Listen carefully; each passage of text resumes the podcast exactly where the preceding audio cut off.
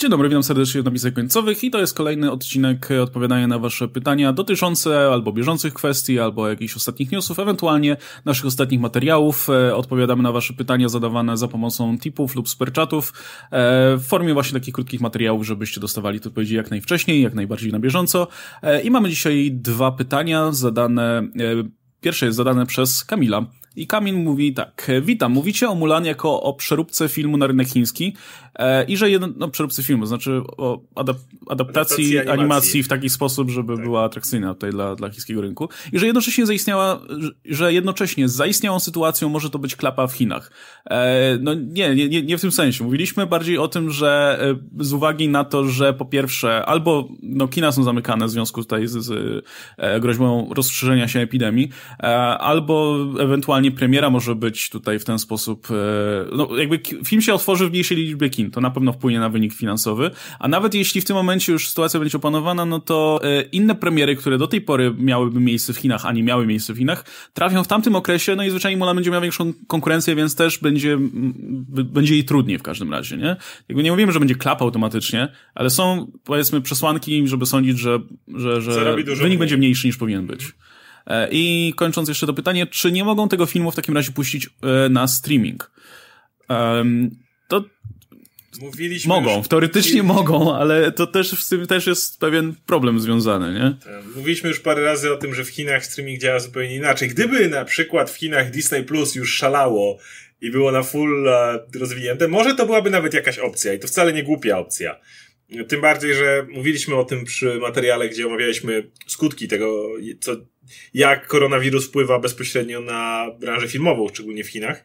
No, że kiedy ludzie muszą siedzieć w domach, się siłą rzeczy e, ograniczać jak najbardziej zbieranie się w duże grupy, no to streaming na pewno jest jakąś opcją e, zarówno rozrywki, jak i eskapizmu, który jest w takich e, momentach bardzo potrzebny. Tylko, że w Chinach nie ma Disney+. Tam jest bodajże sprawdzaliśmy, jest jedna jakaś tam platforma streamingowa, na której zresztą film się pojawił, e, który miał mieć premierę kinową właśnie, a poszedł na streaming ze względu na to, co się dzieje.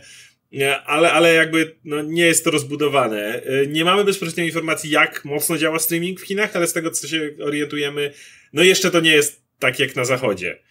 Więc automatycznie puszczenie tego na streaming byłoby daremne. No nic by właściwie nie dało. To, to, to, to w tym momencie działałoby gorzej niż puszczenie filmu na Netflixie parę lat temu u nas. Mhm. I no, dlatego to... to się kompletnie nie opłaca. E, to już też mówiliśmy, że, że nie do końca też wiemy, jak właśnie jak, jak działa tam ten rynek streamingowy. Ostatnio czytałem jakieś artykuły na ten temat. Generalnie, no tam jest trochę sytuacja taka, jaka była mniej więcej u nas jakiś czas temu. Po prostu też nie ma, ale też, też swoją drogą, nie ma, e, nie ma jakiegoś wyraźnego mm, wiodącego serwisu, który by wygrywał tutaj konkurencję z, z, z resztą. Jakby ten rynek jest bardzo podzielony na trzy chyba, czy, czy cztery serwisy.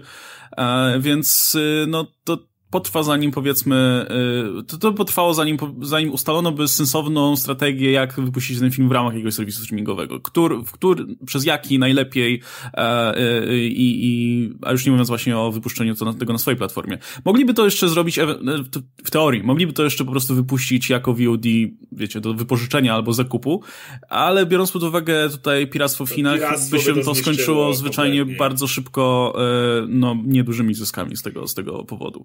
Pamiętajcie, Więc... że to jest film, który kosztuje ponad tam ile, 300 milionów się mówi o tym z, z tymi wszystkimi kosztami batalistycznymi.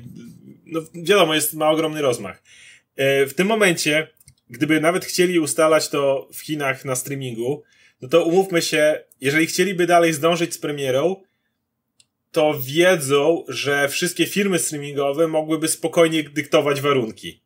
No bo hej, Disney, spieszy się wam, tak? Chcecie bardzo ten film mieć na streamingach naszych, no to sorry, ale my dyktujemy warunki. A jak nie, no to trudno, premiera się opóźni.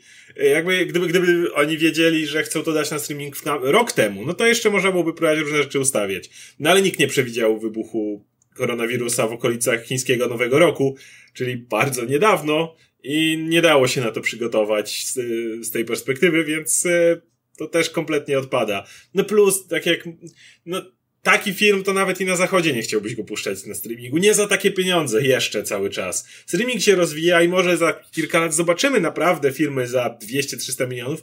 Na razie i tak już jak Bayowi dają te 100 baniek, już jak mm, Scorsese, ale to był, pamiętajcie, że, że Irlandczyk jest wyjątkiem na razie, a nie regułą. To, że dostał takie pieniądze na Irlandczyka, to jest naprawdę wyjątek. To nie jest coś, co, co, co zauważamy bardzo często. Więc jasne, może się to y, w perspektywie wielu lat zmienić, ale na tą chwilę to byłoby spore ryzyko finansowe próbować to wypuścić na streamingu, gdziekolwiek, a już nie mówiąc o Chinach. No zobaczymy, jak sytuacja będzie wyglądała. No, w tym momencie oni pewnie liczą jeszcze, że, że uda się, że, że ta sytuacja się unormuje do tego, do tego czasu, aż film mm, wystartuje w Chinach. E, nie słyszymy na razie żadnych informacji o ewentualnym przełożeniu premiery tamże. E, natomiast no też oni nie chcą puszczać tego filmu później niż w USA, bo ponownie znowu będzie to oznaczało e, wystawianie się na, na, na piractwo, nie? E, więc, e, no tak jak wspomnieliśmy, no, Disney ma problem tutaj i pozostaje w zasadzie trzymać kciuki przede wszystkim, że, że nie wpłynie to jakoś bardzo na premierę.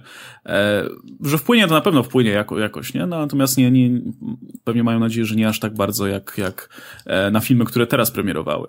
E, I też e, myślę, że piszę to też w odniesieniu do tej, nie pamiętam jaka to była wytwórnia, która, która robiła Lost in Russia, to tak to się nazywało? No to, co tak? poszło na streaming. No, które wrzucili na streaming, tylko że oni wrzucili to na swój własny serwis streamingowy, to, który należy do, do tej samej firmy, której należy wytwórnia, więc to też troszkę inna sytuacja. Nie mówiąc że to jest jednak też mniejsza produkcja, nie? Mniejsze Właśnie, oczekiwania są z nią związane. Małych firm ale też no, inna sytuacja w momencie, w którym wrzucasz na swoją własną platformę, więc nawet jeśli, nie wiem, e, zarobisz na tym mniej, to chociaż ściągniesz ludzi na platformę, nie? Zawsze chociaż yy, jakiś zysk jest z tym związany. W tym momencie Disney musiałby się dogadywać z którymś z tych wielkich koncernów, który obsługuje tę platformę, z jakimś Tencentem czy kimś yy, i myślę, że, że pewnie by na tym stracili. Oni mają też te plany na to, żeby Disney Plus weszło w Chinach kiedy? 2022, 2023, no. dużo później.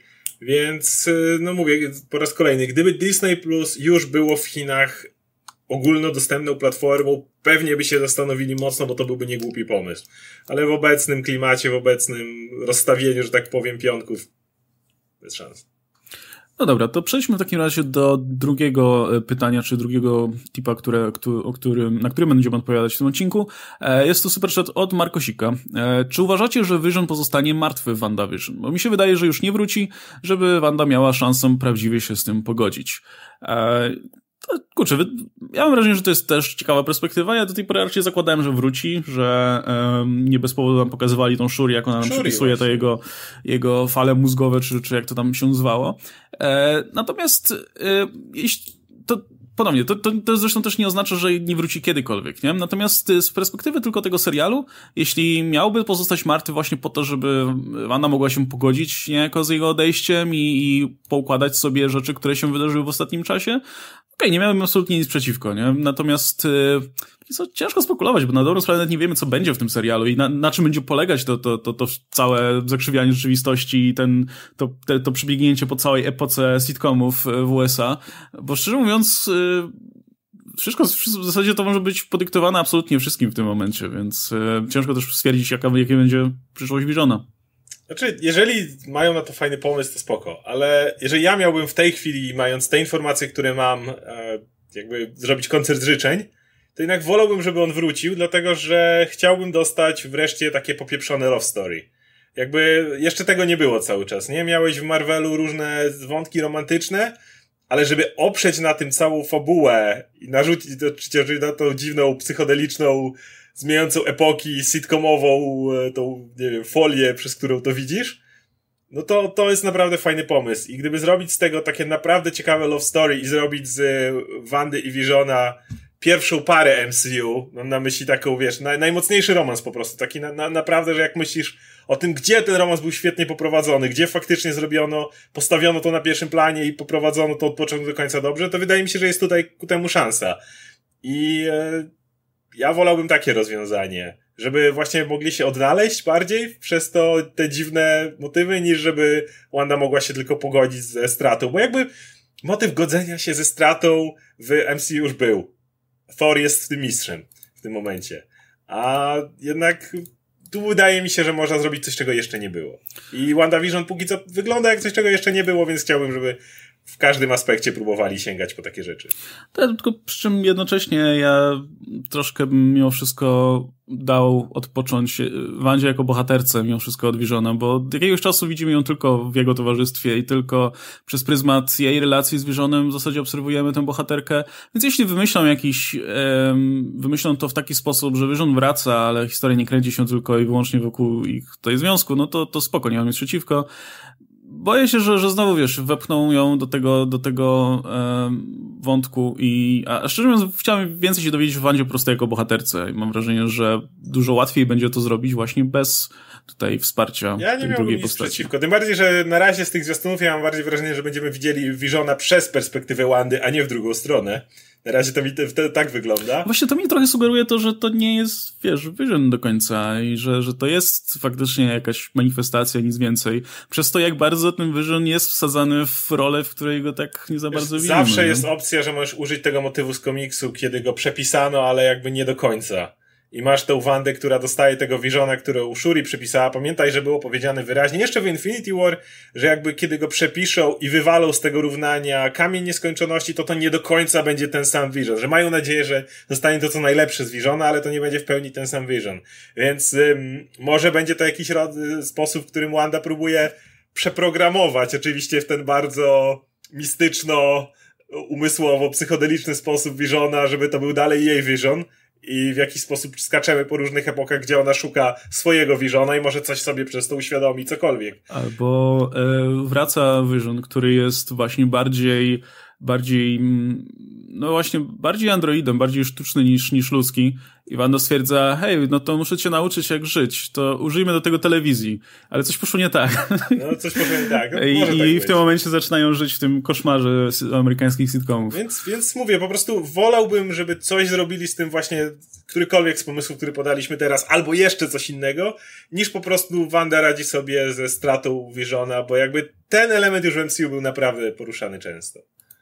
No dobra, słuchajcie, to by było na tyle, jeśli chodzi o te odpowiedzi. Dziękujemy, dziękujemy oczywiście Wam za, za ten tip i super chat e, i zachęcamy oczywiście resztę do również zadawania nam pytań. Jeśli są jakieś kwestie, których, e, które poruszamy na przykład w jakimś materiale i chcielibyście, żebyśmy je rozwinęli, albo, albo nie odnosimy się do czegoś, do czego chcielibyście, żeby się odnieśli, e, od, odnieśli, albo jest jakiś temat, którego właśnie na napisach jeszcze nie było, a nie wiem, wydaje Wam się istotny, możecie to wówczas zadać nam pytanie i e, my postaramy się na to jak najlepiej odpowiedzieć. I tak jak wspomniałem, możecie zrobić za pomocą linku w opisie, ewentualnie za pomocą superchatów podczas y, premier lub, lub streamów. E, no i to by było chyba na tyle, także dziękuję wam jeszcze raz. Był z Oskar Rogowski, ja się nazywam Gastelmach. Do zobaczenia w kolejnych odcinkach. Trzymajcie się. Cześć.